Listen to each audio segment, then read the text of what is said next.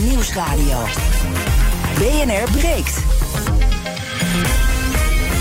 Ivan Verrips. Goedemorgen wel, en welkom bij BNR Breekt. Vanaf half twaalf praat ik over het nieuws van de dag. Onder andere gaan we praten over de Duitse toestemming... om die Leopard 2 tanks aan Oekraïne te leveren. Komt die er nou wel niet, wel niet, wel niet of wel niet? En we praten over het eh, proces tegen Richard de Mos. Ik zag een filmpje vanochtend dat hij bij de rechtbank aankwam. In een soort limousine stapte hij uit... en er stond een mevrouw met een bord achter. En er stond op hashtag ik. En toen dacht ik, ik steun Demos, is demonstraties... maar het was natuurlijk de Mos. Nou, dat gaan we allemaal zo meteen vanaf half twaalf bespreken in BNR Breekt. In mijn panel vandaag twee gemeenteraadsleden Tom de Nooijer, fractievoorzitter van de lokale partij CVO in Oldenbroek. Goedemorgen. Goedemorgen. Maar nog even het laatste filmpje voor zijn Instagram. Heel mensen intunen, hartstikke leuk. En Geert Noordzij, raadslid van de PvdA in Amsterdam. Goedemorgen. Fijn er maar te zijn. Insgelijks. En we gaan beginnen met... BNR breekt. Breekijzer. En het breekijzer heeft te maken met personeelstekorten. Eigenlijk overal, in elke sector. Je ziet het ook elke dag. Aan hun lijven kan je het ondervinden. De Europese Commissie heeft eh, voor de zomer een plan gelanceerd... om de bestaande regels rondom arbeidsmigratie te vernieuwen en te verruimen. En het Europees Parlement velt morgen voor het eerst een oordeel over die plannen... die ervoor moeten zorgen dat die personeelstekorten ja, een beetje worden opgelost. Zo moet het voor arbeidsmigranten van buiten de EU makkelijker worden... om hier aan het werk te gaan.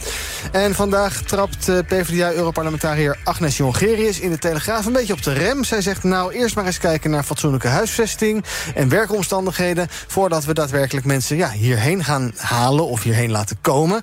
Volgens haar zou ons land daar nu veel te weinig toezicht op hebben. En dan is de vraag een beetje, is dat zo? En hebben we die migranten inderdaad keihard nodig? Daarom leidt ons breekijzer vandaag. We hebben volop arbeidsmigranten nodig om het personeelstekort op te lossen. Wat vind jij? Ik hoor heel graag van je. Misschien ben je het eens. En is arbeidsmigratie dé manier om eh, de nijpende personeelstekort het hoofd te bieden? Of misschien ben je het wel oneens, om welke reden dan ook. En vind je dat we onze grenzen moeten dichthouden? Bijvoorbeeld omdat we helemaal niet toegerust zijn om die mensen hier een fatsoenlijk leven te kunnen bieden. Wat je ook vindt, pak je telefoon en bel naar 020 468 4 keer 0 Dus 020 468 4 keer 0 Dan praat je zo mee in de uitzending. Je kan ook van je laten horen via Instagram. Tom zit daar dus, maar wij als BNR ook. In de stories kan je stemmen op ons breekijzer, BNR Nieuwsradio. En wij, de uh, breekijzer is, we hebben volop arbeidsmigranten nodig... om het personeelstekort op te lossen. Zometeen hoor je hoe Geert en Tom erover denken. Maar ik begin bij Niels Jansen. Hij is docent en onderzoeker verbonden aan de faculteit rechtsgeleerdheid... van de UvA, afdeling arbeidsrecht. Goedemorgen, Niels. Goedemorgen. We hebben volop arbeidsmigranten nodig om het personeelstekort op te lossen. Wat vind jij? Um, mm, ja, ik vind het een lastige stelling dit keer. Ik uh, zeg toch nee. Oké, okay, waarom niet? Ja, kijk, arbeidsmigranten zijn altijd wel nodig. Um, en uiteindelijk is natuurlijk eerst de vraag: hoe komt uh, die krapte op de arbeidsmarkt op dit moment? Mm -hmm. um, en dat is een, uh, een veelvoud aan, aan factoren. Um, en er zijn ook, denk ik, verschillende oplossingen. Uh, en arbeidsmigratie is er één van. en alleen in het op arbeidsmigratie lost het probleem niet op. Nee. dus daarom ben ik toch een nee. Oké. Okay. En het plan van de Europese Commissie, vind je dat dan ook... we gaan er zo nog wel even iets verder op in, hoor, wat dat precies behelst... maar denk je daarvan dan eigenlijk van... ja, dat is een beetje makkelijk en daar hebben we niet zoveel aan?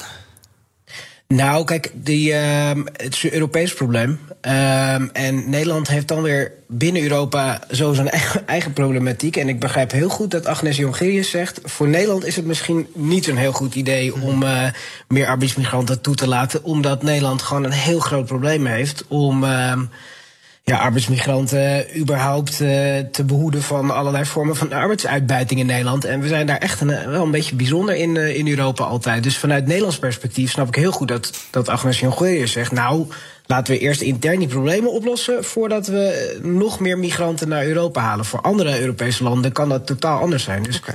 Dat wordt natuurlijk wel spannend ja. in Europa. Laten we er zo verder ook over praten. Ook hoe het kan dat uh, Nederland daar zo'n bijzondere positie uh, mee inneemt. Eerst rondje in mijn panel.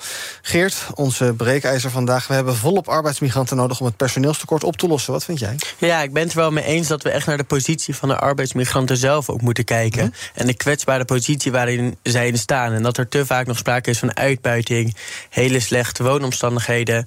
Uh, je ziet ook steeds meer arbeidsmigranten staan op leven op straat, blijkt uit cijfers. En dat zijn hele zorgen ontwikkelingen. En dan begrijp ik deze uitspraak ook wel. Dat je zegt ook, zie, dat, zie arbeidsmigranten, zie dat nou niet als een businessmodel. Mhm. Maar kijk echt naar de positie van die mensen die al in een hele kwade positie zitten. En zorg dat je dat nou gaat aanpakken. En zorg dat je die mensen humaan behandelt. Ja, en stel dat je dat soort problemen wel het hoofd kan bieden. Je zou denken, uh, uitbuiting, uh, dat zou toch niet per se nodig hoeven te zijn. Nee, en ook niet uh, Nederlands. En ook misschien niet Nederlands. En ehm, ook het verhaal rond de woningmarkt is natuurlijk ingewikkeld. Hoe kan je die mensen op een fatsoenlijke manier huisvesten? Maar als je dat, stel dat je dat even in een utopische gedachte gefixt hebt, dan wel. Ja, je kan altijd stel, stel, stel. Ja, maar inderdaad, als je goed met die mensen, als je kan zorgen dat ze niet uitgebuit worden, dat ze inderdaad gezien worden in hun waarde, ja, ja dan zou je inderdaad dat heel goed, uh, inderdaad, uh, die mensen, die vrijheid, uh, kan er dan heel goed zijn. En dat ja. is ook een heel belangrijk recht. Dat je kan werken op de plek waar je wil werken. Maar dan moet er wel voor gezorgd worden dat je daar goed kan werken, dat je Mhm. daar goed opgevangen kan worden en dat je daar beschermd wordt. En dat is nu niet goed gewaarborgd op dit moment. Tom, wat vind jij? Ik vind ook dat uh, arbeidsmigranten goed behandeld moeten worden. Er is een commissie geweest, commissie Roemer, die heeft daar heel veel over gezegd. En dat gaat op dit moment niet goed. Dus in die zin sluit ik me aan bij de zorg die ook Geert over de positie van arbeidsmigranten naar voren brengt. Maar dat is de positie van de arbeidsmigranten. En we moeten ook kijken naar het Nederlands belang. En als je kijkt hoe het gaat met arbeidsmigratie, zijn die getallen ontzettend hoog. De uh, inspectie, en dan heb ik het over de arbeidsinspectie, heeft al uh, halverwege vorig jaar in een jaarverslag uh, gewaarschuwd voor de druk die arbeidsmigratie legt op de Nederlandse samenleving. En ja, dat is inderdaad wel een heel belangrijk component wat ik in de discussie naar voren wil brengen. Ja. Als we het hebben over het woningtekort, als we het hebben over spanningen die dat kan opleveren in wijken. Um, en ook als je kijkt naar de aantallen die ontzettend hoog zijn. Mhm. Mm -hmm. um, ik had een tweet erbij gepakt van Erik van den Burg, de staatssecretaris van Migratie. En die had het over 90.000 uh, mensen uit Europa die in ieder geval uh, naar Nederland komen. Een gro groot deel daarvan is ook gewoon arbeidsmigratie. Ja. Dus ik vind in die zin uh, uh, dat uh, de bedrijven profiteren op dit moment van arbeidsmigratie, maar -huh. de Nederlandse samenleving zit met de gevolgen. Dus ik zou absoluut niet meer mensen deze kant op willen halen, maar eerder juist de rem daarop willen zetten. Maar Tom, wat je nu zegt, je haalt de arbeidsinspectie erbij, maar die hebben juist gezegd: doe nou rustig aan met over zorg dat je niet inderdaad nu allemaal arbeidsmigranten hierheen haalt omdat de omstandigheden niet goed zijn. Dat, zijn de, dat is de reden die zij gaven. Dus dat is toch juist een reden om te zeggen... focus daar dan nu op dat je die uh, omstandigheden verbetert... zodat je daarna kan zorgen dat je dat recht verbetert. Nou, dat is te eenzijdig. Dat is niet wat de arbeidsinspectie heeft gezegd. Ik heb nu het artikel ook voor me staan. Dat pleit voor halvering, geloof ik, toch? Die, die pleit voor een halvering... Dat, Dacht ik. Dat zou kunnen, hoor. Okay, nou. Ik heb het zo snel niet... Uh, dat woord heb ik niet uh, gelezen. Mhm. Kan ook aan mij liggen. Maar het, de positie van de arbeidsmigrant wordt wel degelijk genoemd... maar ook de gevolgen die arbeidsmigratie heeft voor Nederland.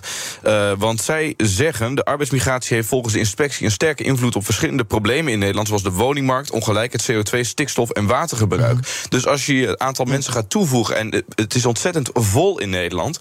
het aantal inwoners stijgt hier... ja, dat is ook iets wat de arbeidsinspectie heeft gezegd. Dus ja, het gaat om die arbeidsmigrant zelf... en ik wil ook dat die ontzettend goed behandeld wordt... Ja. maar het gaat ook om de implicaties voor Nederland. En die mogen we zeker niet vergeten. Ja, maar je kaart nu veel problemen aan... die eigenlijk onderdeel zijn van een veel groter probleem. Als we kijken naar het woningprobleem, dan is het niet de schuld van de arbeidsmigranten. Nee, dan komt het doordat we daar de uh, afgelopen decennia volledig verkeerd mee zijn omgegaan. Dus dat moeten we niet door elkaar halen. Het is beide, wat mij betreft. Ik wil eventjes naar Niels, want uh, dat, dat plan van de Europese Commissie. Ik heb niet de hele wetstekst gelezen, daar heb ik geen tijd voor. Dus even een korte samenvatting bij de NOS gehaald. Die zegt van nou, ze willen talent, talentenpartnerschappen gaan opzetten met derde landen. Dan wordt gedacht aan Egypte, Tunesië, Marokko. Er komt een talentendatabase. Er moeten aanvraagprocedures uh, worden versoepeld en vereenvoudigd. Al dat soort zaken. Uh, voor welke landen is dit dan wel een, een, een zinvolle uh, idee?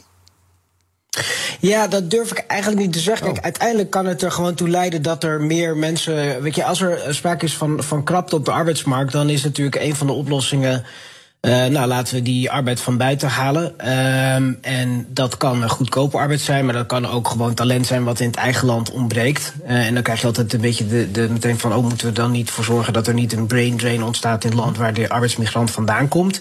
Um, kijk, voor Nederland specifiek is het probleem van arbeidsmigranten werken in Nederland allemaal zo'n beetje op van die uh, uitzendconstructies, hè, van die driehoeksrelaties. Allemaal in die kwetsbare positie. Op het moment dat je in Nederland uh, een arbeidsmigrant in, in vaste dienst zou nemen als, als, uh, als ondernemer, en ik denk dat dat gewoon vroeger wel gebeurde toen. Uh, Turkse en Marokkaanse arbeidsmigranten kwamen in die periode. Dan, dan heb je al ten aanzien van de arbeidsmigranten al heel veel opgelost. Hè? Die enorme vormen van uitbuiting heb je dan niet meer.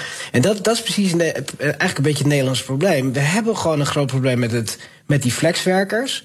Die, waar er echt een groot, groot verschil is tussen ik ben in vaste dienst en ik, heb, ik, ik ben, behoor zeg maar bij de haves en ik ben een flexwerker en ik ben aan alle, alle kanten heb ik grote onzekerheid. Nou, mhm. En bij die, die, die have-nots noem ik ze maar, dat zijn, dat zijn eigenlijk alle arbeidsmigranten sowieso. En dus als je die poort in Europa openzet en in Nederland daardoor krijg je dus nog meer uh, werkenden die in die onzekere positie zitten. Dus zolang Nederland het probleem met die eigen, arbeid, die eigen uitzendarbeid niet heeft opgelost, moet je, eh, ja, moet je eigenlijk gewoon zeggen ter bescherming van die mensen die komen. Ja, dat, dat moeten we gewoon niet willen. Dat, is, dat is echt gewoon een. Uh, we creëren eigenlijk gewoon alleen maar een nieuw groot probleem. Um, en en dat, dat moeten we dus eerst op zien te lossen voordat je weer uh, gaat denken aan, uh, aan, aan weer nieuwe mensen hierheen halen. Ja, en waarom is dat probleem zo groot? Hoe, kan dat? We hebben in 1996 hebben we bedacht, uh, nou laten we die eh, hele uitzend, uh, die hele uitzendbureaus laten we reguleren we anders, veel meer vrijheid voor uitzend, uitzendondernemingen ook. Nou, dat leidde tot een enorme groei aan uitzendbureaus. Het werkt als een dolle. Um, en er werd altijd gezegd nou, dat, dat, dat die locatiefunctie van uitzendbureaus is zo belangrijk. Hè, samenbrengen van, van, van vraag en aanbod. Inmiddels zijn ook bij de nou, zijn uitzendbureaus niet meer weg te denken zeg maar, uit, uh, uit de Nederlandse economie. Het is een enorme, enorme grote sector ook geworden. En tegelijkertijd is er ongelooflijk veel aan de hand in die sector. Met uh, te weinig, uh, ja, gewoon bureautjes die zich niet aan de regelgeving houden. En, en ja, dan krijg je gewoon vormen van uitbuiting. En handhaving is niet op orde, omdat er gewoon echt gewoon veel te weinig handhavers zijn ook vanuit inspectie. Nou, daar wordt natuurlijk ook fors op ingezet. En, en niet, ja, het is niet onlogisch dat nu de overheid zegt... ja, maar misschien moeten we weer terug naar voor 1996... toen er vergunningen waren. En dat je dan niet zomaar een uitzendbureautje kan, kan opstarten. Maar dan moet je echt voldoen aan wet en regelgeving. Ja. ja en voordat we dat hebben, zou ik zeggen... nou, niet te veel nu, want ja, dat zijn allemaal weer extra problemen voor die mensen. En, uh, en ja, ook in de Nederlandse samenleving heeft natuurlijk op dit moment problemen. Kijk, kijk, die woningtekorten vind ik dan wel grappig. Want op zich is het natuurlijk heel belangrijk. Maar die arbeidsmigranten, die. Nou, dat, dat, dat, die, die, die huisvesting van die arbeidsmigranten is natuurlijk gewoon om je oog uit je kop te schamen als Nederlander. Hoe, dat, hoe, dat, hoe dat soms gaat. Dus nee, het is een slecht idee uh, voor Nederland in elk geval. Voor, voor Europa zelf ja? ja, kan ik daar toch minder over zeggen. Oké, laten we kijken naar hoe onze bellers erover denken. Ons breekijzer. We hebben volop arbeidsmigranten nodig om het personeelstekort op te lossen. 020 468 4 keer 0 als je wil reageren. Jan, goedemorgen. Goedemorgen, Ivan. Nou, ik ben het eh, niet eens met de stelling. Hm? En dat komt omdat we sowieso binnen Europa een vrij verkeer van uh, personen en, en, en uh, werknemers en arbeid dus eigenlijk hebben. En goederen. Uh, in principe kunnen mensen uit alle Europese landen gewoon hier komen werken als ze dat willen. dat is één ding. Daarnaast moeten we inderdaad die uitbuiting in, in, in ja, heel veel lager ja, productieomgevingen met laag geschoold werk, zeg maar, moeten we meer onder controle krijgen. Huisvesting, er zijn nog steeds heel veel Nederlanders die uh, geld verdienen met het opzetten van containerparken.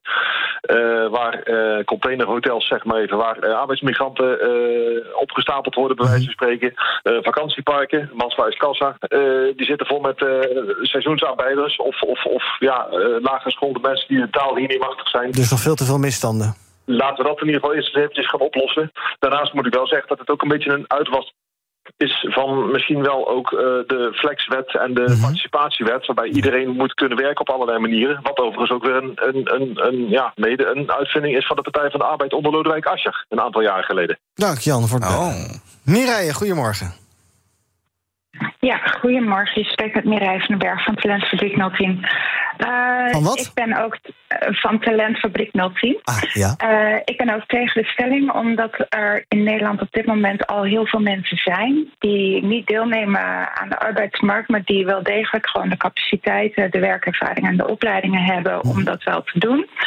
Uh, denk ik, laten we daar alsjeblieft eerst tijd en energie in gaan steken dat die mensen worden toegeleid naar de arbeidsmarkt, voordat we nog weer een heleboel andere mensen naar Nederland halen. Ja, over het onbenut potentieel zullen we het zo meteen nog even hebben. Dank voor het bellen. Tammy, goedemorgen. Hallo, heb je het met mij? Zeker, ja. Ja, hallo. Ja, ik ben er ook uh, niet mee eens. Uh, deels door wat uh, gezegd is al door Mireille. mijn tweede reden is dat we zitten met een, een, groot aantal vluchtelingen. Sommigen heel goed hoog opgeleid, onder de Syriërs bijvoorbeeld, die niet mogen werken. Oekraïners hebben we wel kunnen inzetten, maar voor een of andere reden de rest niet. En, en voor een derde reden, we moeten goed kijken waarom we zo'n tekort ineens hebben. En ik denk dat het komt deels omdat we veel te ma makkelijk mensen thuis laten zitten. Je hebt een verkoudheid en je blijft thuis. Dus aan de, aan de slag zeg jij. Dank voor het bellen. Tot slot van dit blokje even Mohamed. Goedemorgen. Hey, goedemorgen. Ik ben het ook niet eens met de stelling, mm -hmm. onder andere vanwege alles wat alle andere mensen hebben genoemd. Ja, hij voegt er nog wat aan toe. Nou ja, het is voornamelijk echt gewoon, uh, er wordt niet gezorgd voor de mensen in het eigen land. We hebben al, de laatste paar weken wordt het heel veel genoemd. Te weinig mensen die aan het werk zijn. De lonen zijn slecht, meerdere stakingen. En nu gaat de regering dat oplossen voor hun vriendjes in het bedrijfsleven door gewoon goedkopere werkkrachten aan te nemen die ons kunnen vervangen. Maar door onze werkgevers zeggen, moet je kijken, hij wil het wel. Ja. ja, we zijn mensen aan het uitbuiten en we helpen onze eigen mensen niet verder. Dat kan niet, dat kan echt niet. Mohamed, dankjewel voor het bellen. BNR breekt. Ivan Verrips. Met vandaag in mijn panel twee gemeenteraadsleden. Te weten Tom de Nooijer, gemeenteraadslid, fractievoorzitter... bij de lokale partij CVO in Oldenbroek. En Geert Noordzij, hij is raadslid van de PvdA in Amsterdam. Ook is bij me Niels Jansen, docent en onderzoeker... verbonden aan de UvA, faculteit der rechtsgeleerdheid... afdeling arbeidsrecht. En we praten over ons breekijzer. We hebben volop arbeidsmigranten nodig om het personeelstekort op te lossen. Als je wil reageren, 020 468 4 keer 0 Dus 020 468 4 keer 0 Ik merk uh, veel terughoudendheid op dit gebied Uh, Niels, maar eventjes een paar dingen van de uh, bellers bespreken. Uh, er, zitten allerlei mensen thuis die om wat voor reden dan eigenlijk ook kunnen, kunnen, kunnen werken. Ik geloof dat het CBS dat inderdaad dat onbenut potentieel noemt. 1,2 miljoen mensen. is echt gigantisch. Ja, dat is een goed punt. Nee, dat klopt. En er zijn heel veel... Soms wordt dat wel eens gezegd, het granieten bestand. Zo'n zo bestand wat aan de kant staat en niet aan het werk komt. Ik heb ook wel eens begrepen dat uh, Nederlandse werkgevers daar gewoon wel wat moeite mee hebben om uh, werkenden die een arbeidshandicap hebben of een arbeidsbeperking hebben, om die aan het werk te zetten als je dat vergelijkt met uh, werkgevers in andere Europese landen. Nou, daar zit echt wel wat winst. Ja. En ja. Nou ja, de AWVN arbeidsvoorwaardennota van, van dit jaar... die zet bijvoorbeeld ook in op... Uh, probeer ook langer te werken als je kan. Hè? Dus uh, ook na je, na je pensioenleeftijd.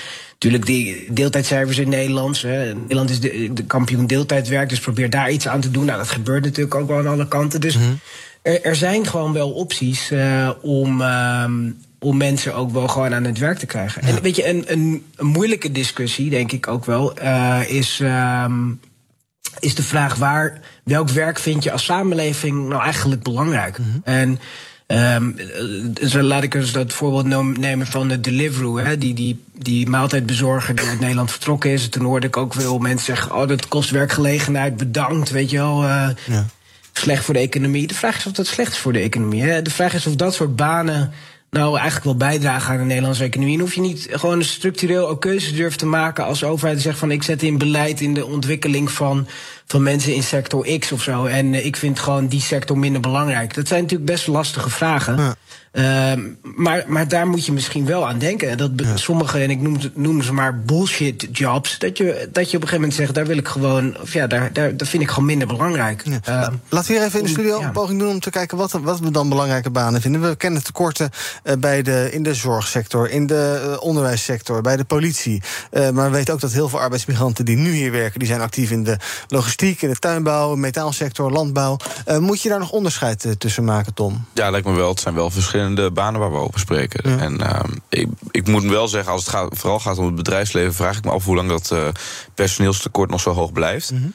Ik hoor ook wel uh, financieel experts. Ik noem één bij naam, dat is Ab Flipsen, die zegt van ik zie juist heel veel mensen, ondernemers naar mij toe komen, ook, vooral ook in bouwbedrijven. En dus daar gaat steeds meer een rem op en ze vertrouwen hen niet meer, omdat de economie uiteraard, uiteraard achteruit kachelt. Ja, maar we vergrijzen ook, ook, weer. Ja, en oké, okay, dat is waar. En ehm, als je het hebt over de stijging van uh, het minimumloon bijvoorbeeld, zie je dat ook voor werkgevers de kosten omhoog gaan.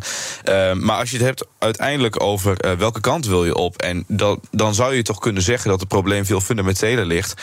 En dat het te maken heeft met hoeveel wij zelf, hoe we onszelf voortplanten als, mm. als, als Nederlands volk. en dat is echt onder nul gezakt, ook voor het eerst. Jan Latte heeft daar pas heeft daar uitgebreid ook bij stilgestaan in het nieuws. En je ziet nu dat de, bevolkingsgroei alleen maar nog komt door migratie. Een groot deel arbeidsmigratie, ja. ook asielzoekers. Um, dus ik denk dat we naar een fundamenteel ander beleid toe moeten. Waarbij we toch ook, maar dat, is, dat vind ik persoonlijk ook heel belangrijk, dat we meer naar een pro-family omgeving gaan. Waarbij mensen toch makkelijker kinderen kunnen krijgen. En dan denk ik dat dat een veel duurzamere ook oplossing is voor het probleem. Want, nog één zin, ja. uh, uh, als je dat niet doet en je gaat het telkens maar weer met arbeidsmigranten aanvullen, dat is ook geen duurzame uh, oplossing, omdat je dan telkens weer moet aanplussen. Geert, meer kinderen krijgen in plaats van mensen uit het buitenland halen. Nou, ik ben heel blij, blij, dat homo's inmiddels ook kinderen kunnen adopteren. Mm -hmm. um, maar ik denk wel dat we, als we het inderdaad hebben over die tekorten... als we het hebben over het onderwijs, over de zorg... als we het hebben over de politie waar die tekorten zijn... ik zie iets terugkomen en dat zijn allemaal essentiële beroepen. Het zijn allemaal beroepen die voor onze samenleving... van enorme maatschappelijke waarde zijn... en te weinig gewaardeerd worden. Dat is geloof ik het fundamentele probleem dat erachter schuilt. Achter die personeelstekorten waar we het veel te weinig over hebben. Dat mensen die in het onderwijs werken niet meer gewaardeerd worden... niet meer gewaardeerd worden worden door de ouders, maar ook niet meer rond kunnen komen aan het eind van de maand. En dat is denk ik wel iets waar we mee aan de slag moeten we gaan als we het over die personeelstekorten kunnen hebben. Laten we nog even kijken naar uh, nou, 1, 2 bellers tot slot van dit half uur. 020 468. Nee, ik ga het nummer niet noemen, want het heeft niet zoveel zin om nu nog te bellen, want we zijn al bijna aan het einde. uh, even kijken. Said, goedemorgen. Een hele goede morgen. Zeg het maar. Ja, ik ben het zelfs mee eens, maar uh, er valt nog een hoop te veranderen hier in Nederland. Want we mhm. hebben een aantal zaken niet goed gewerkt. Ja. Om een, paar, om een paar voorbeelden te noemen. Nou, iemand had hier voor me genoemd over vluchtelingen die niet mogen werken. Sommige van hen. Ja. Ja, als je die aan het werk zet, uh, zodat ze dus gewoon zekerheid krijgen, dan kunnen, ze, kunnen wij dat daar, daaraan koppelen. Wat denk je van uh, bijstandswet? Dat, dat, die, die wordt niet genoemd. Die werkt eigenlijk mensen tegen om te gaan werken. En daar noem ik een voorbeeld als het gaat om seizoenwerk of uitzendwerk. Om een uitkering te krijgen in Nederland, ja, dat is gewoon een hel. Heel veel mensen die moeten er hefveld doen, die wordt letterlijk uitgekleed, dan duurt het te lang. En als je eenmaal in de uitkering zit, dan ben je bang om eruit te gaan. Als je dus in de bijstandswet zegt van zodra mensen seizoenwerk gaan accepteren of uitzendwerk en binnen vijf maanden weer op straat zitten, dan ben je gewoon van harte welkom. Je hoeft maar te bellen en, en te mailen, dan gaan we je uitkering herstellen. Mhm. Dan krijg je heel veel mensen aan het werk. En we hebben ook nog heel veel te doen aan kinderopvang. Want kinderen in Nederland worden tegenwoordig niet gestimuleerd. Het is te duur, niet goed georganiseerd. Scholen in Frankrijk bijvoorbeeld, dan krijgen ze gewoon smiddags warm eten en ze kunnen tot vijf uur daar blijven. Mm Nou, dat zijn voorbeelden waarvan ik denk, als je dat duurzaam wil gaan inzetten, dan moet je daar iets aan doen. Maar op dit moment, als je mensen nodig hebt, ja, je kan een land vergelijken met een bedrijf. Je hebt mensen nodig, dan moet je ze binnenhalen. En klaar is Kees. Said, dankjewel voor het bellen. En um, tot zover uh, onze breekijzer. Dat is vandaag. We hebben het volop arbeidsmigranten nodig om het personeelstekort op te lossen. Je kan op onze Instagram-pagina nog de hele dag reageren. Als je dat doet, dan zie je dat het nu zo'n uh, 60% oneens is. Daar kan je dus nog de hele dag van je laten horen. Ik dank Niels Jansen, docent-onderzoeker verbonden aan de faculteit der rechtsgeleerdheid van de UVA. En zometeen ga ik verder praten met um, Tom en Geert over het nieuws van de dag. Over de Duitsers en de Leopard 2 tanks. Komen die er nou wel of niet? En hoe erg is dat of hoe nodig is dat? En het proces tegen Richard de Mos. Hij kwam dus vanochtend bij de rechtbank aan en uh, in een soort limousine. En uh, ja, is dat nou uh, ambtelijke corruptie? Wat moeten we daar nou van vinden? Gaan we het allemaal zo meteen over praten in het tweede deel van BNR Break. Tot zo. Bij BNR ben je altijd als eerste op de hoogte van het laatste nieuws. Luister dagelijks live via internet. Jelle Maasbach, Wesley Weert. We zijn er voor je met het leukste, opvallendste, maar natuurlijk ook het belangrijkste nieuws. Tijdens de presentatie van die halfjaarcijfers toen die beurskoers in elkaar kukkelde. BNR Beurs. Voor de slimme belegger. Blijf scherp en mis niets. Blijf scherp. BNR Nieuwsradio. BNR breekt. Ivan Verrips. Welkom terug in mijn panel vandaag. Geert Noordzij, raadslid voor de PvdA in Amsterdam. En Tom de Nooijer, ook raadslid, fractievoorzitter van de lokale partij CVO in Oldenbroek. En we gaan praten over het uh, nieuws van de dag. Te beginnen in Oekraïne. Althans, ja, in Berlijn of in Parijs, nou, dat is net hoe je het ziet. Duitsland heeft een eerste stapje gezet om het mogelijk te maken dat er van die Leopard 2 tanks aan Oekraïne kunnen worden geleverd. De Duitse minister van Buitenlandse Zaken Annalena Baerbock heeft gezegd dat de levering van de tanks door de Poolse overheid niet tegen zullen worden gehouden door Berlijn.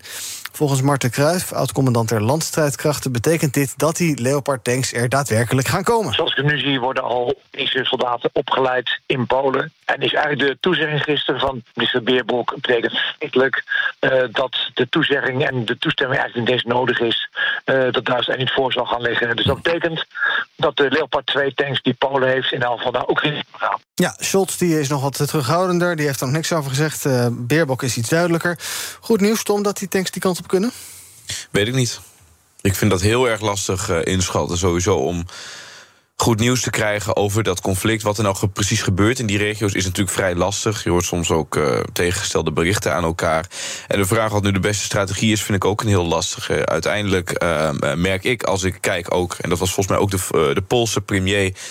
die zei van we zullen het winnen met of zonder Duitsland. En ja. Europa en Oekraïne zal winnen.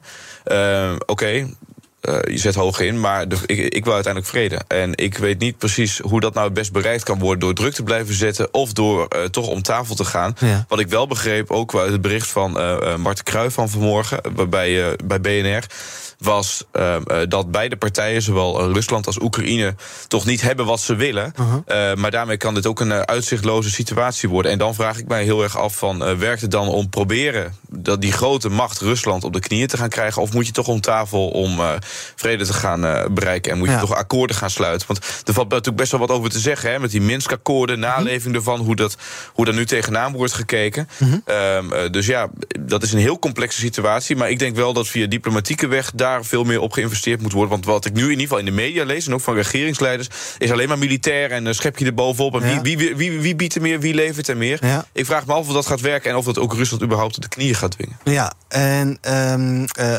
als je zo luistert, uh, types als Rutte en dergelijke, die zeggen ja, Rusland is een soort rupsje nooit genoeg. Als je ze wat geeft, dan komen ze daarna voor jou, bij wijze van spreken. Dus je moet eigenlijk wel het, het hele spel afmaken, wil je dat land eronder krijgen? Ja, dat is de vraag of dat gaat ja. lukken. dat is allereerst, hè, los van wat je zou willen, maar of het gaat lukken is één. Mm -hmm. Ook met bijvoorbeeld regio's als uh, de, de Krim, ja. waar natuurlijk al wat langer uh, niet van Oekraïne, om maar zo te zeggen. Um, ja, Rusland zegt van niet, ja. Ja, dus nou, dat is heel complex. maar of je dat zomaar allemaal van Rusland, of je de Russische invloeden daar zomaar weg kunt krijgen, dat is mm -hmm. maar heel erg de vraag. En dat zal Rusland ook zeker niet zomaar doen. Dus als je dat weet, dan is de vraag van wat is nu verstandig. En als het gaat om de intenties van Rusland daarachter, ook daar wordt over gespeculeerd. Is het een defensieve actie? Dat zeggen meestal de pro-Rusland kamp zegt dat. Ja, we moesten wel, want ja, als je kijkt wat er aan de grens allemaal gebeurde... Ja. Uh, met de, vanuit Amerika richting Oekraïne. aan de andere kant, ons, ja, de, van Rutte hoor je weer van... Rusland wil heel veel landen afpakken en het is rupsje nooit genoeg. Hm als dat al waar zou zijn, dat het rupsje nooit genoeg is... dan denk ik wel dat het vooral om uh, delen van Oekraïne gaat. Ik denk niet dat Rusland nu ook strategisch gezien zou denken... Nee. van nou, maar als we dit winnen, dan gaan we heel Oekraïne. En dan, oh, gaan we, Oldenbroek. dan komen wij de Baltische Staten aan net zo lang, net zo lang tot we Oldenbroek ja. ook hebben veroverd. Dat geloof ik niet, want nee. dat kan niet. En ik denk ook niet dat, uh, dat Rus, Rusland dat zal willen. Mm -hmm. Dus in die zin moeten we daar ook... vind ik ook dat Rutte daarmee moet oppassen... om dat soort teksten te gebruiken. Want dat, hoe erg helpt dat nou om... Er, dat staat toch alleen maar in de weg als je met elkaar om tafel wil... en je wil proberen vrede te gaan bereiken. Ja, hij vraagt net of je met elkaar om tafel wil. Maar goed, dat is een uh, andere vraag. Geert, um, je hoort van uh, types als Stoltenberg van de NAVO en dergelijke... die zeggen dan vlak voor dat Ramstein-overleg afgelopen vrijdag... zeggen die, ja, uh, we komen met meer en met zwaardere wapens. Duitsland die lijkt zich een beetje terughoudend op te stellen. Die wil die Leopard 2-tanks zelf niet leveren. Was ook heel lang onduidelijk. Nou, gaan zij het andere landen die die tanks ook hebben... van Duitse makelij toestaan om die dingen wel uit te, uit te leveren? Wat is jouw beeld van de Duitse opstelling in dit dit, uh, in deze oorlog? Ja, ik denk dat het. Uh, is het terughoudend? Nou, uh, dat is natuurlijk een keuze die ze zelf maken. Maar ik denk dat de situatie ook vanuit de Nederlandse kant, als je naar kijkt, heel helder is. En dat is dat Rusland zich aan het voorbereiden is voor een nieuw offensief. Dat Poetin dat ook heel duidelijk heeft um, uitgesproken. Dus je ziet dat er steeds meer trainingen, steeds meer een grotere mobilisatie is begonnen voor een nieuw offensief. En ik denk dat het dan uh, terecht is, heel terecht, als je zegt... nou, Oekraïne strijdt voor die vrijheid van de Oekraïners in Oekraïne. Mm -hmm. um, en dat je daarbij die steun biedt. Um, en daarom ben ik ook blij dat er nu is toegezegd van nou, we gaan er niet voor liggen. Um, en ik denk dat dat ook een goede stap is. Natuurlijk is het belangrijk dat je altijd diplomatiek blijft kijken. Maar ja, Rusland is zich nu aan het voorbereiden... voor een hele grote nieuwe mobilisatie en een nieuw offensief. En dan kan je niet zeggen, we doen niks. Want dan op een gegeven moment loop je achter de feiten aan. Geef je Oekraïne weg. Ja, precies. Dus daarom denk ik dat het nu belangrijk is dat je zegt: we, aan de ene kant is er sprake van een offensief, aan de andere kant bereiden we ons voor. Uh, dat is een hele uh, logische tegenreactie, lijkt me. En het is niet zo dat er nooit gesproken wordt. Er is niet zo dat er nooit sprake is van diplomatieke acties.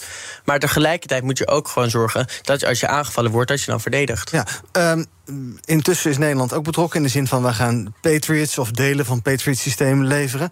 Baart je dat nog zorgen? Het is wel een, een, ja, conflict begonnen door Rusland, maar het wordt, wel, het wordt er wel steeds zwaarder met al die materiëlen. Ja, nou wat natuurlijk ook een risico is, inderdaad, dat je ziet dat inderdaad in de buurlanden, uh, dat er ook uh, bijvoorbeeld in Slowakije of in Bulgarije spanningen zijn en veel angst is. Dat is denk ik ook enigszins terecht. Maar ook daar zo heeft Nederland inderdaad met die Patriots Um, inderdaad geholpen. Nou, en dat is denk ik een hele uh, logische actie. Um, zeker nu je inderdaad ziet dat dat grote offensief met de grote uitspraken weer van Poetin um, is begonnen. Ik hoorde Jaap Telp Scheffer hier op BNR zeg ik geloof uh, eind vorige week ergens. Die zei, nou, we moeten, het is helemaal geen heel raar idee om te denken van... goh, misschien moeten wij de havens van Vlissingen en Amsterdam... Is wat beter gaan of Rotterdam is wat beter gaan beveiligen. Ja. Nou, ik denk dat nu die eerste stap is echt bij die buurlanden. Ja. Um, dat daar het grote gevaar nu is. Um, en dat je daar dus ook op gaat inzetten. Ja. Dus dat je inderdaad bij Slowakije en Bulgarije... wat Nederland nu ook doet, dat je daar gaat beschermen. En maak je niet zo'n zorgen om uh, onze veiligheid? Nou, niet dat Rusland Nederland uh, gaat binnenvallen. Dat is dat toch voor ons geen enkel uh, gevaar zijn. Het gaat vooral toch om de. de er is natuurlijk een, het is natuurlijk gruwelijk wat er gebeurt. Mm -hmm. En dat treft vooral de, de oostkant van ons continent. Maar wij uh, in West-Europa zullen daar toch niet mee te maken hebben. En het zal ook niet de Russische ambitie zijn toch om het uh, uh, om zover door te trekken. Ik snap wel heel goed. Ik heb heel veel begrip voor de angst die buurlanden van Oekraïne mm -hmm. voelen. Dat zij zich ook willen aansluiten bij de NAVO. Dat ja. kan ik uit het, alleen al het idee van zelfbescherming heel goed begrijpen. Dus daarvoor alle, alle begrip. Uh, uh, maar de vraag is of. Uh, nou ja, goed, dat heb ik net al gezegd. In hoeverre we dat moeten terugdenken. En ook, hè, van, wat je het zei net in de tussentje van Rusland is agressor. Oké, okay, daar ben ik het mee eens. maar het kent natuurlijk wel een bepaald conflict wat ook teruggaat. Hè, als je dat 2014, Maidan, revolutie en zo. En ja. Dus het is, het is heel erg complex. Um, ja. en de, de, vraag is dan waar je verstandig gaan doet. Ik denk niet door het vuurtje te, telkens te blijven opstoken, in ieder geval. Hele korte vraag nog. Duitsland die moet uiteindelijk gewoon zelf besluiten of ze die dingen willen leveren of niet. Niet onder druk van Biden en Stoltenberg en dat soort dingen. Gewoon lekker Scholz zelf bepalen, want het is natuurlijk ook allemaal binnenlandse politiek. Dat sowieso. Ja. Moet uit, Duitsland gaat er zelf over. En laat je vooral niet door Amerika op die manier uh, onder druk zetten. Want laten we niet vergeten, het is, uh, Oekraïne is nog steeds geen NAVO-lid en ook geen lid van de Europese Unie. Dus als je kijkt van wat je als, als, als, als, als natie, dus als Duitsland, wat je verplichtingen zelf zijn, mm -hmm. kunt je moreel verplicht voelen. Dat kan natuurlijk. Hè? Maar als het gaat om uh, Amerika niet zich beroepen, en dat is heel belangrijk om te beseffen op bepaalde afspraken, dat Duitsland nu om die reden zou moeten ingrijpen in Oekraïne. Dus bepaal dat zelf. Natuurlijk, uiteindelijk in die zin bepaal je het altijd zelf. Maar ik denk dat die morele verplichting wel heel zwaar weegt.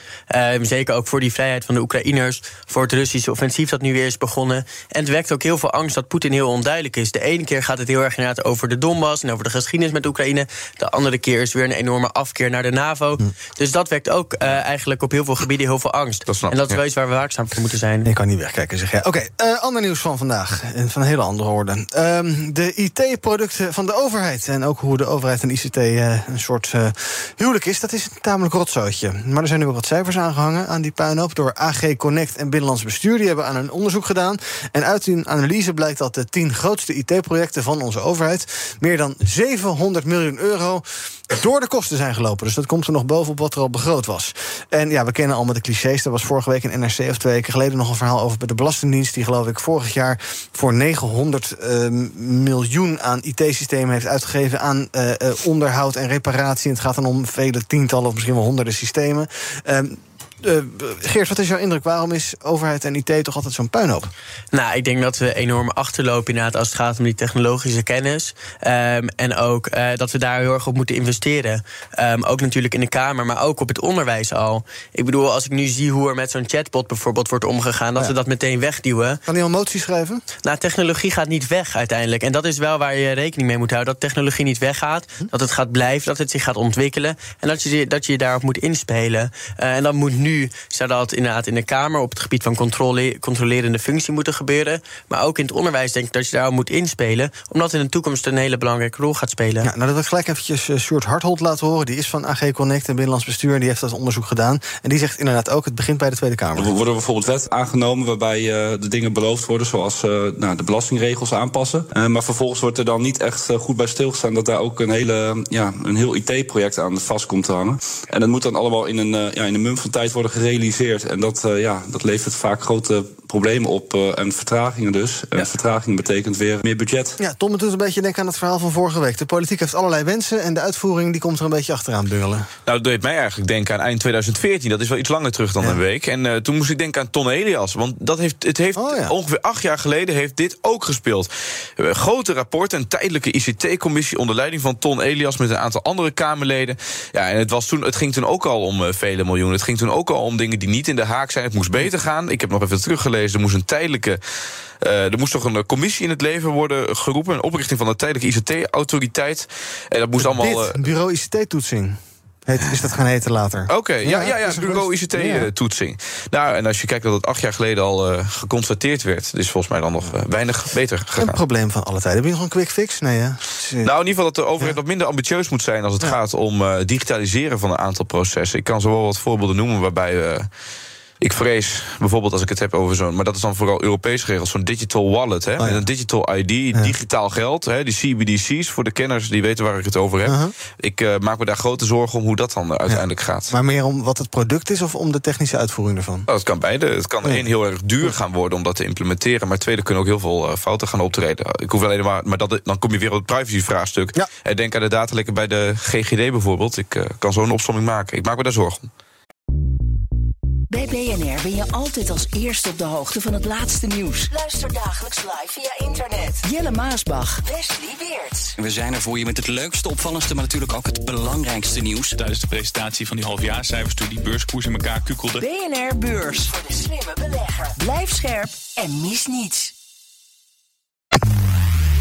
BNR We gaan kijken naar het nieuws wat uh, Geert en Tom opviel in het nieuws. Uh, wat zei ik nou? Nieuws wat je opviel? Nieuws? Nou ja, goed. Nieuws wat jullie opviel. Uh, Geert, jij wil het hebben over de verwachting van onder meer het KNMI... maar een hele reeks aan onderzoeksinstituten... VU, WUR, Deltaris, Instituut Publieke Veiligheid... over natuurbranden. We kunnen steeds meer felle natuurbranden verwachten. En dan denk ik, het is 23 januari, natuurbranden. Waar gaat dit over? Klopt. Uh, dat is inderdaad een ontwikkeling die de afgelopen jaren uh, in Europa ziet en die ook Nederland nu gaat bedreigen. Mm -hmm. Is dat er steeds fellere uh, bosplannen gaan komen die steeds onbeheersbaarder gaan worden. die ook niet meer met bijvoorbeeld water of blussen gaat kunnen stoppen. dat oh. komt door de steeds langdurige en heftigere hittes en droogtes.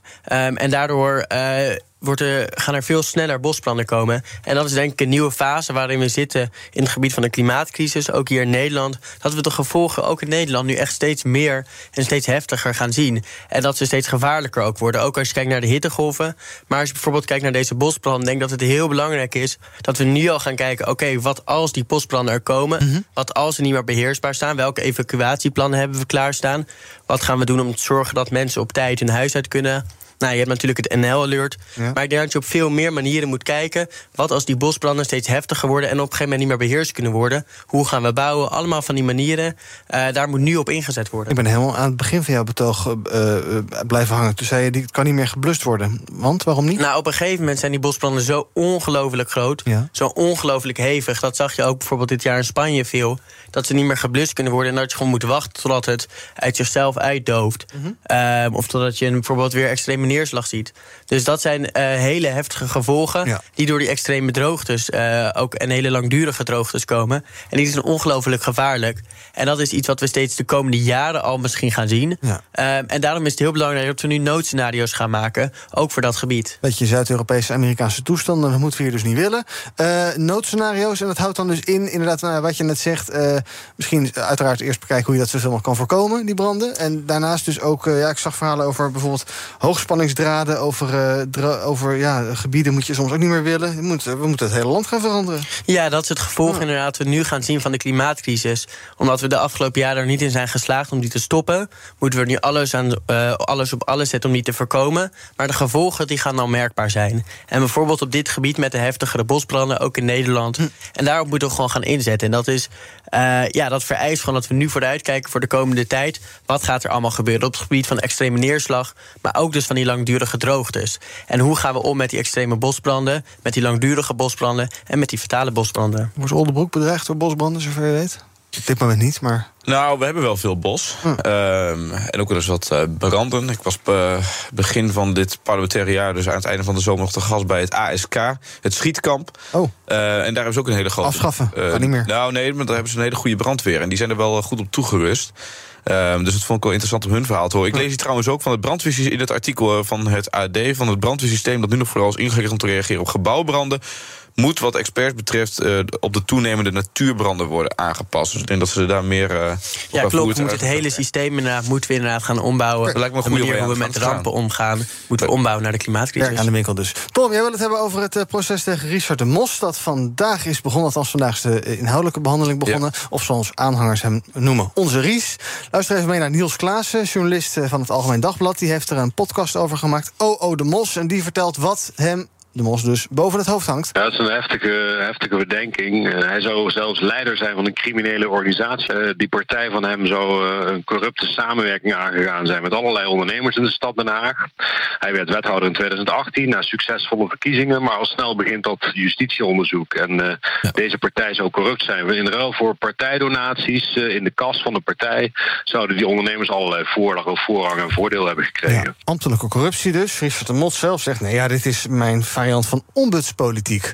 Hoe kijk jij naar dit proces? Behalve dat het überhaupt wel heel lang geduurd heeft voordat er eenmaal rechtszaak is. Maar goed, dat ja, dat, misschien kunnen we daar dan mee beginnen in ja. twee zinnen. Het is bizar dat het zo lang uh, geduurd heeft. Aan de andere kant, ik heb dus ook gelezen dat het vaak wel in die corruptiezaak ook heel lang duurt voordat die bezitting er komt. Want volgens mij liggen er nu 15.000 kantjes aan, uh, uh, aan het hele dossier, zeg maar, wat zo meteen naar voren wordt gebracht.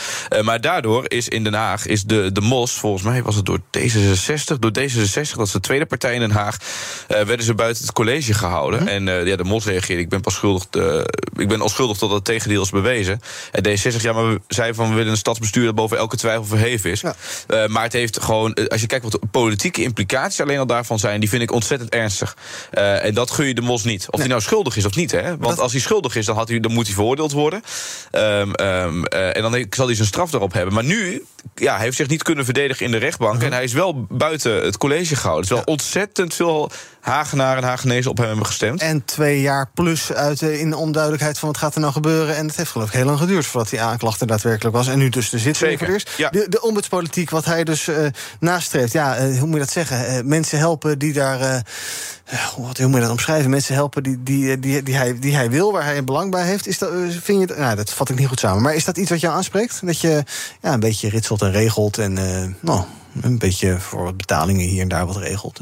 Nou ja, ombudspolitiek aan zich is natuurlijk heel erg mooi. Hè? En zeker ook op lokaal niveau. Ik merk dat zelf ook. Dat eh, je soms gewoon inwoners naar, naar je toe krijgt. Die zeggen: joh, we hebben een probleem.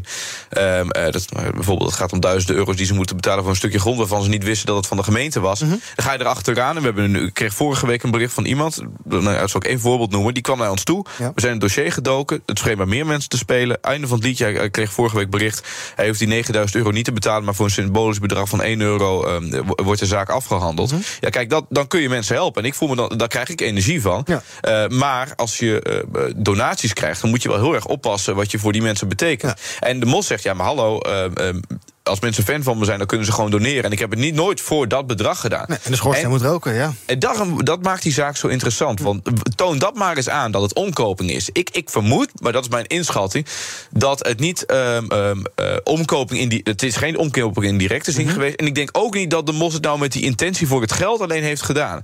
Ik denk dat hij gewoon op, die, die mensen goed kende, wilde helpen. Ja. Kijk, of hij daarbij strafbare feiten heeft gepleegd, dat zou maar zo kunnen. En eh, dat weet ik niet. Dat gaat, dat gaat nu bekend worden. En daar moet je dan wel of niet voor worden gestraft. Maar, het is heel honderd- lastig. Als iemand een paar honderd euro bij CVO Oldenbroek stort en dan eh, jouw hulp nodig heeft, wat zeg jij dan? Nou, we helpen iedereen ook al eh, gratis. Dus wat dat betreft zijn we sociaal als het maar Ja. kan zijn. De, en ook eh, stemmers en niet-stemmers. Ja. Ben jij koopbaar, eh, Geert? Voor een paar honderd euro eventjes in Nee, nee, bij, maar bij Halsema?